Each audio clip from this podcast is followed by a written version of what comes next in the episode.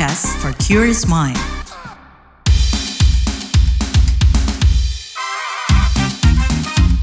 What's Trending KBR Pagi, siaran pagi radio paling update.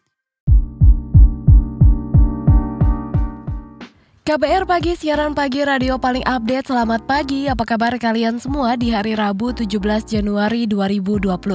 Bersama saya Lea Baneza di What's Trending KBR Pagi pastinya. Musim hujan 2024 di Indonesia bakal singkat. Itu bakal kita obrolin pagi ini.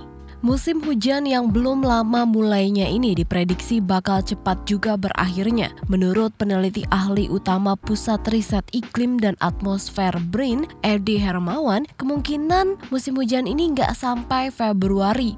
Edi menjelaskan, fenomena ini dipengaruhi monsun Asia atau angin barat dan El Nino. Menurut Edi, kehadiran El Nino dipercaya mampu memendekkan musim hujan. Nah, kalau Badan Meteorologi, Klimatologi, dan Geofisika dan Geofisika BMKG memprediksi musim hujan akan lebih pendek dari biasanya jika dibandingkan normal durasi musim hujan. Durasi musim hujan 2023-2024 di sebagian besar daerah Indonesia diperkirakan lebih pendek. Namun menurut BMKG, cuaca ekstrim diprediksi masih mengancam sebagian besar wilayah Indonesia hingga Februari mendatang. Dan musim hujan masih akan berlangsung hingga April 2024 di sebagian besar wilayah Indonesia.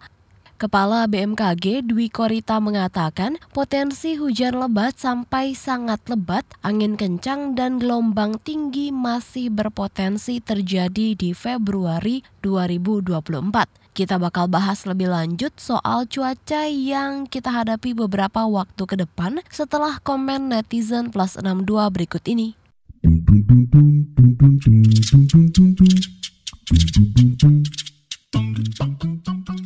Pertama dari akun @calxx. Real hujan badai, Sulsel kalau musim hujan ngeri parah. @adxx. Sini pun hujan lebat. Hmm. @bunxx. Bosan banjir dan sinyal jelek. @nxx. Ada yang merasa pagi ini Solo panas? Udah tiga hari sih panas, padahal masih musim hujan, malah nggak hujan sedikit pun. Prediksi 2024 full musim kemarau. @lxx. Kapan hujan lagi? at underscore xx Udah lima hari nggak hujan. At ltxx Jadi musim hujan gak sih? Ini panas banget. At jokxx Musim hujan lagi dialihkan sama penganut ST3000 kayaknya. Dan yang terakhir dari akun at anxx Banjir dan kekeringan dapat terjadi akibat perubahan iklim yang semakin parah. Kita perlu bertindak sekarang untuk melindungi planet kita dan generasi mendatang.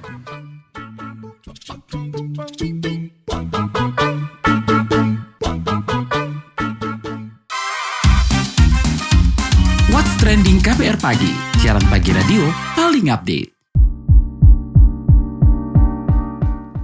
Nah, seperti apa gangguan cuaca yang mempengaruhi musim hujan di Indonesia? Yuk kita dengarkan keterangan Ketua Badan Meteorologi, Klimatologi, dan Geofisika BMKG, Dwi Korita Karnawati 6 Januari 2024 lalu. Jadi sebetulnya daerah Jakarta kecuali Jakarta Utara, sebetulnya sudah memasuki musim hujan sejak akhir November. Namun saat itu di pertengahan bulan Desember menjadi gangguan cuaca berupa adanya tekanan rendah di Laut Cina Selatan yang menyebabkan angin monsun yang bertiup dari arah Asia yang membawa hujan itu tidak dapat jadi terblokir tidak dapat ditiup menerus langsung ke wilayah ke arah Pulau Jawa. Maka di saat itu yang harusnya musim hujan, untuk sesaat terjadi break atau disebut sebagai monsoon break, menyebabkan seakan-akan musim hujan belum datang. Padahal sebetulnya sudah. Namun saat ini gangguan cuaca di Laut Cina Selatan tersebut sudah akhir sudah hilang dan sudah kembali normal memasuki musim hujan. Uh, juga terjadi di sebagian besar wilayah Indonesia sudah memasuki musim hujan di akhir November tersebut. Jadi diprediksi wilayah-wilayah uh, yang uh, akan memasuki musim hujan itu tadi selain Jakarta juga di beberapa wilayah di terutama di sebagian besar di Sumatera, kemudian juga di Kalimantan, kemudian juga eh, di Sulawesi terutama wilayah tersebut dan potensi bencana hidrometeorologi memang diperkirakan akan semakin meningkat terutama pada saat puncak musim hujan itu nanti di bulan uh, Januari pertengahan atau akhir hingga hingga hingga Februari. Termasuk juga di wilayah Jawa tadi termasuk Banten, Jawa Barat ya kemudian juga Jawa Tengah, kemudian Jawa Timur termasuk sebagian uh, dari Sumatera dan Kalimantan serta Sulawesi. Demikian. Sebelumnya, PLT Deputi Bidang Klimatologi Badan Meteorologi, Klimatologi, dan Geofisika BMKG, Arda Sena Sopaheluakan, mengakui perubahan musim di Indonesia tak hanya dipengaruhi El Nino, tapi perubahan iklim punya andil atas musim panas berkepanjangan dan pendeknya musim hujan. Daur hujan eh, tidak hanya di Jawa tetapi di Indonesia itu terpengaruh oleh uh, multiskala gitu. Pada skala harian yang kita biasa sebut dengan skala diurnal tadi itu hujan pada umumnya terjadi lepas siang, sore hingga malam gitu. Itu apa yang pertama. Lalu kemudian pada skala musim ya eh, setiap enam bulanan dia juga terpengaruh uh, oleh uh, siklus yang kita bilang skala musiman gitu. Yang lebih besarnya yang kita alami sekarang yang barusan tadi di uh, antar tahunan itu El Nino uh, yang menyebabkan kita berkering, kekeringan berkepanjangan selama beberapa bulan ini. Lalu yang terakhir efek jangka panjang dari perubahan iklim.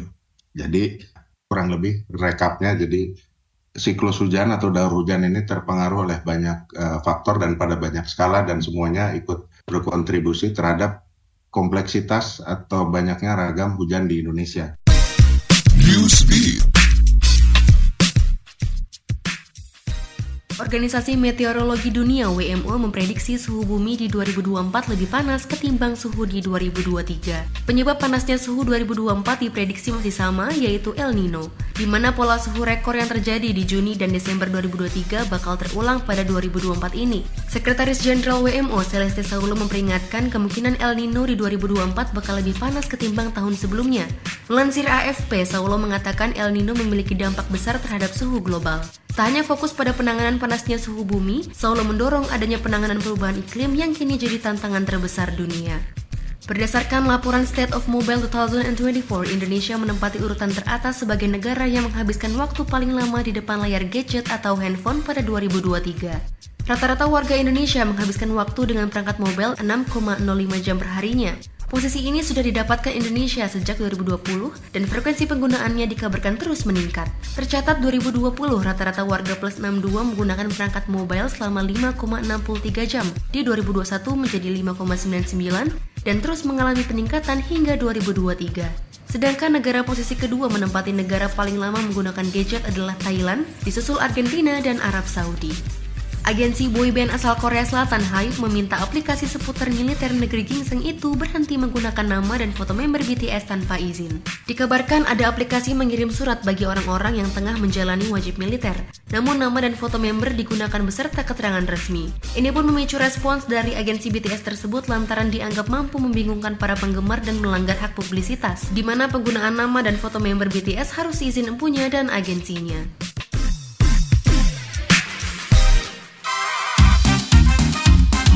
Trending KPR Pagi, siaran pagi radio paling update. Kali ini kita mau bahas kenapa sih musim hujan jadi berasa lebih pendek? Seseram apa sih pengaruh perubahan iklim gak cuma ke cuaca tapi ke kondisi bumi ini? Bareng pengkampanye iklim dan energi Greenpeace Indonesia, Didit Haryo Wicaksono. Mas Didit, pakar iklim BRIN ini kan memprediksikan musim hujan bakal berakhir pada waktu dekat ini ya, itu sekitar Februari gitu ya. Nah, ini disebabkan El Nino. Nah, gimana sih Mas Didit melihat laju perubahan iklim yang tidak menentu? Ya, uh, kalau kami di Greenpeace memandang ini sebagai ancaman dari si krisis iklim itu sendiri ya, yang telah menunjukkan polanya yang lebih dahsyat dari tahun-tahun sebelumnya. Terbukti sebenarnya kalau kita melihat El Nino atau La Nina itu kan semacam fenomena yang biasanya dulu terjadi lima atau tujuh tahun sekali. Sekarang prosesnya bisa lebih cepat dan bisa berubah-ubah tanpa bisa kita prediksi.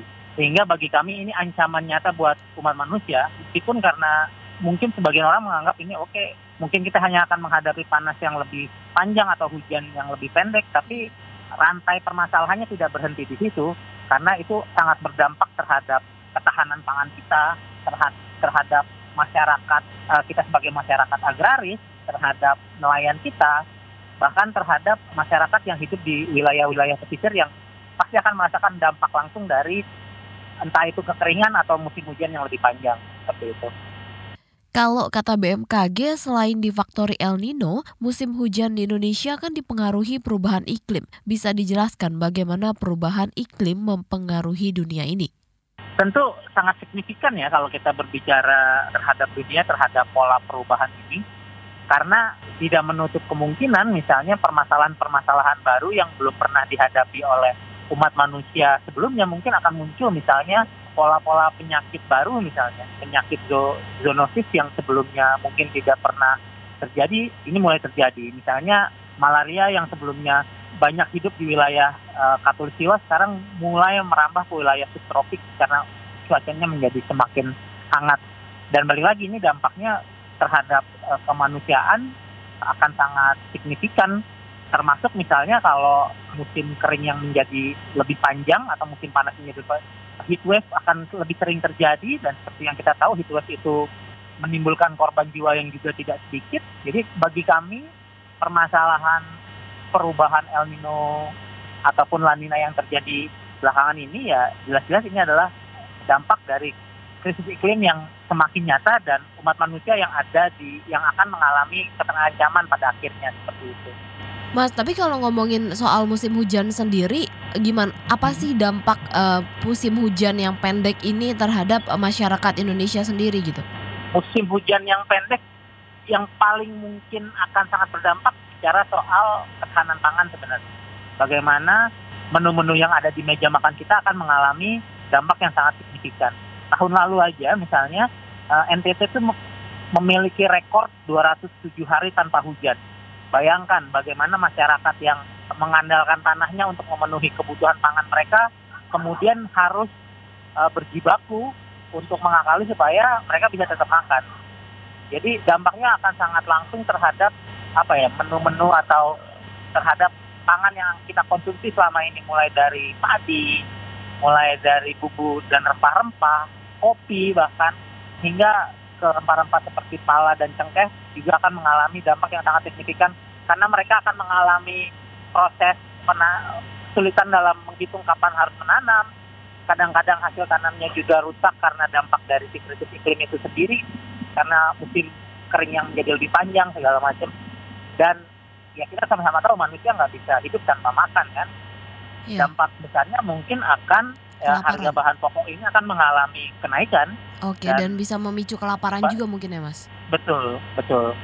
Seperti itu. Oke, uh, Mas. Tapi sebenarnya kalau melihat gitu dari pantauan Greenpeace, uh, udah belum Mas sumber persoalan dari perubahan iklim ini ditangani? Nah, kalau misalnya dibiarkan mungkin dampaknya yang lebih besar ini apa? Selama ini kan beberapa sumber menyatakan penyebab krisis iklim ini sumber utamanya adalah penggunaan energi fosil sebagai sumber energi kita.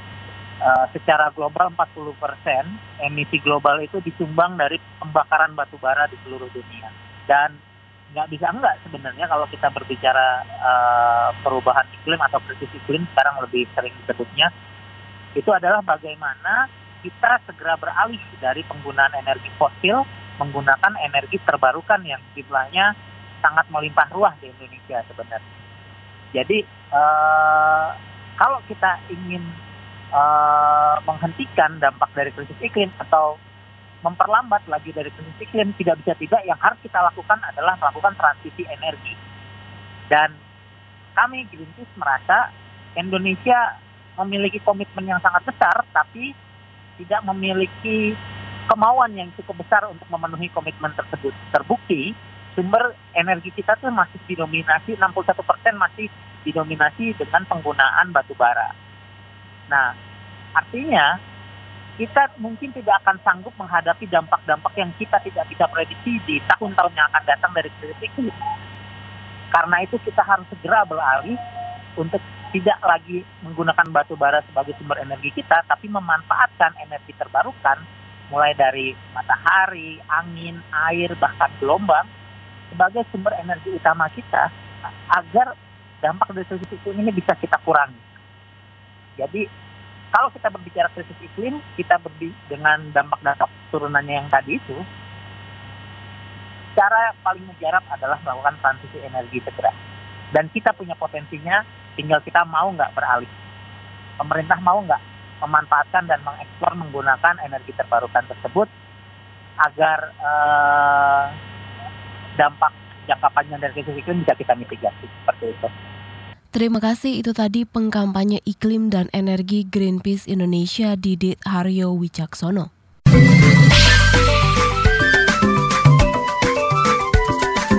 WhatsApp Indonesia. WhatsApp Indonesia kita mulai dari Yogyakarta. Seorang guru keterampilan konten creator di Yogyakarta menjadi tersangka kekerasan seksual pada sejumlah muridnya di sekolah dasar. Hal ini dikonfirmasi Kapolresta Yogyakarta Kombes Aditya Suryadharma. Aditya mengatakan pihaknya menetapkan pelaku NB sebagai tersangka setelah pendalaman kasus. Aditya mengatakan kepolisian sudah memeriksa 20 orang saksi dan menyelidiki 15 siswa yang dilaporkan jadi korban. Setelah penyelidikan, dinyatakan 5 siswa memenuhi unsur sebagai korban. Saat ini pihak kepolisian menyita sejumlah barang seperti pisau, ponsel, dan pakaian korban. Selanjutnya kita ke Solo. Dinas Kesehatan Kota Solo meminta masyarakat mengantisipasi merebaknya penyakit di musim penghujan. Juru bicara Dinas Kesehatan Pemkot Solo Setiawati mengatakan demam berdarah, gangguan saluran pernapasan ISPA, dan diare saluran pencernaan harus diantisipasi. Caranya dengan menjaga kebersihan dan kemungkinan adanya kontaminasi. Setiawati menjelaskan beberapa kemungkinan penyakit yaitu diare, infeksi saluran pernapasan atas atau ISPA, batuk dan pilek, juga demam berdarah. Lebih lanjut, Setiawati menjelaskan masyarakat perlu menjaga imunitas tubuh. Setiawati mencontohkan konsumsi makanan bergizi, istirahat yang cukup, dan membatasi aktivitas di luar rumah. Kebiasaan hidup sehat juga harus diterapkan. Terakhir ke Mataram, Nusa Tenggara Barat. Polresta Mataram, Nusa Tenggara Barat NTB tengah menangani dugaan tindak pidana pemilu caleg berinisial NKS. Kepala Satreskrim Polresta Mataram, Kompol Imade Yogi Purusa Utama mengatakan NKS ketahuan membagikan paket beras dan stiker yang mempromosikan dirinya sebagai calon anggota DPRD Mataram periode 2024-2029. Imade mengatakan NKS diduga melanggar UU nomor 7 tahun 2017 tentang pemilu. Imade mengatakan Kasus ini bermula adanya laporan di media sosial Facebook soal NKS yang membagikan paket beras beserta stiker dan mengarahkan penerima beras memilihnya sebagai calon legislatif. Imade memaparkan, saat ini kasus masuk ke tahap penyidikan dan Polri mempunyai waktu 14 hari memeriksa kembali saksi. Demikian WhatsApp Indonesia hari ini. Terima kasih ya sudah mendengarkan What's Trending KBR Pagi. Jangan lupa terus dengarkan podcast What's Trending di kbrprime.id dan aplikasi mendengarkan podcast lainnya. Lea Baneza pamit, stay safe and happy. Bye-bye. What's Trending KBR Pagi, siaran pagi radio paling update.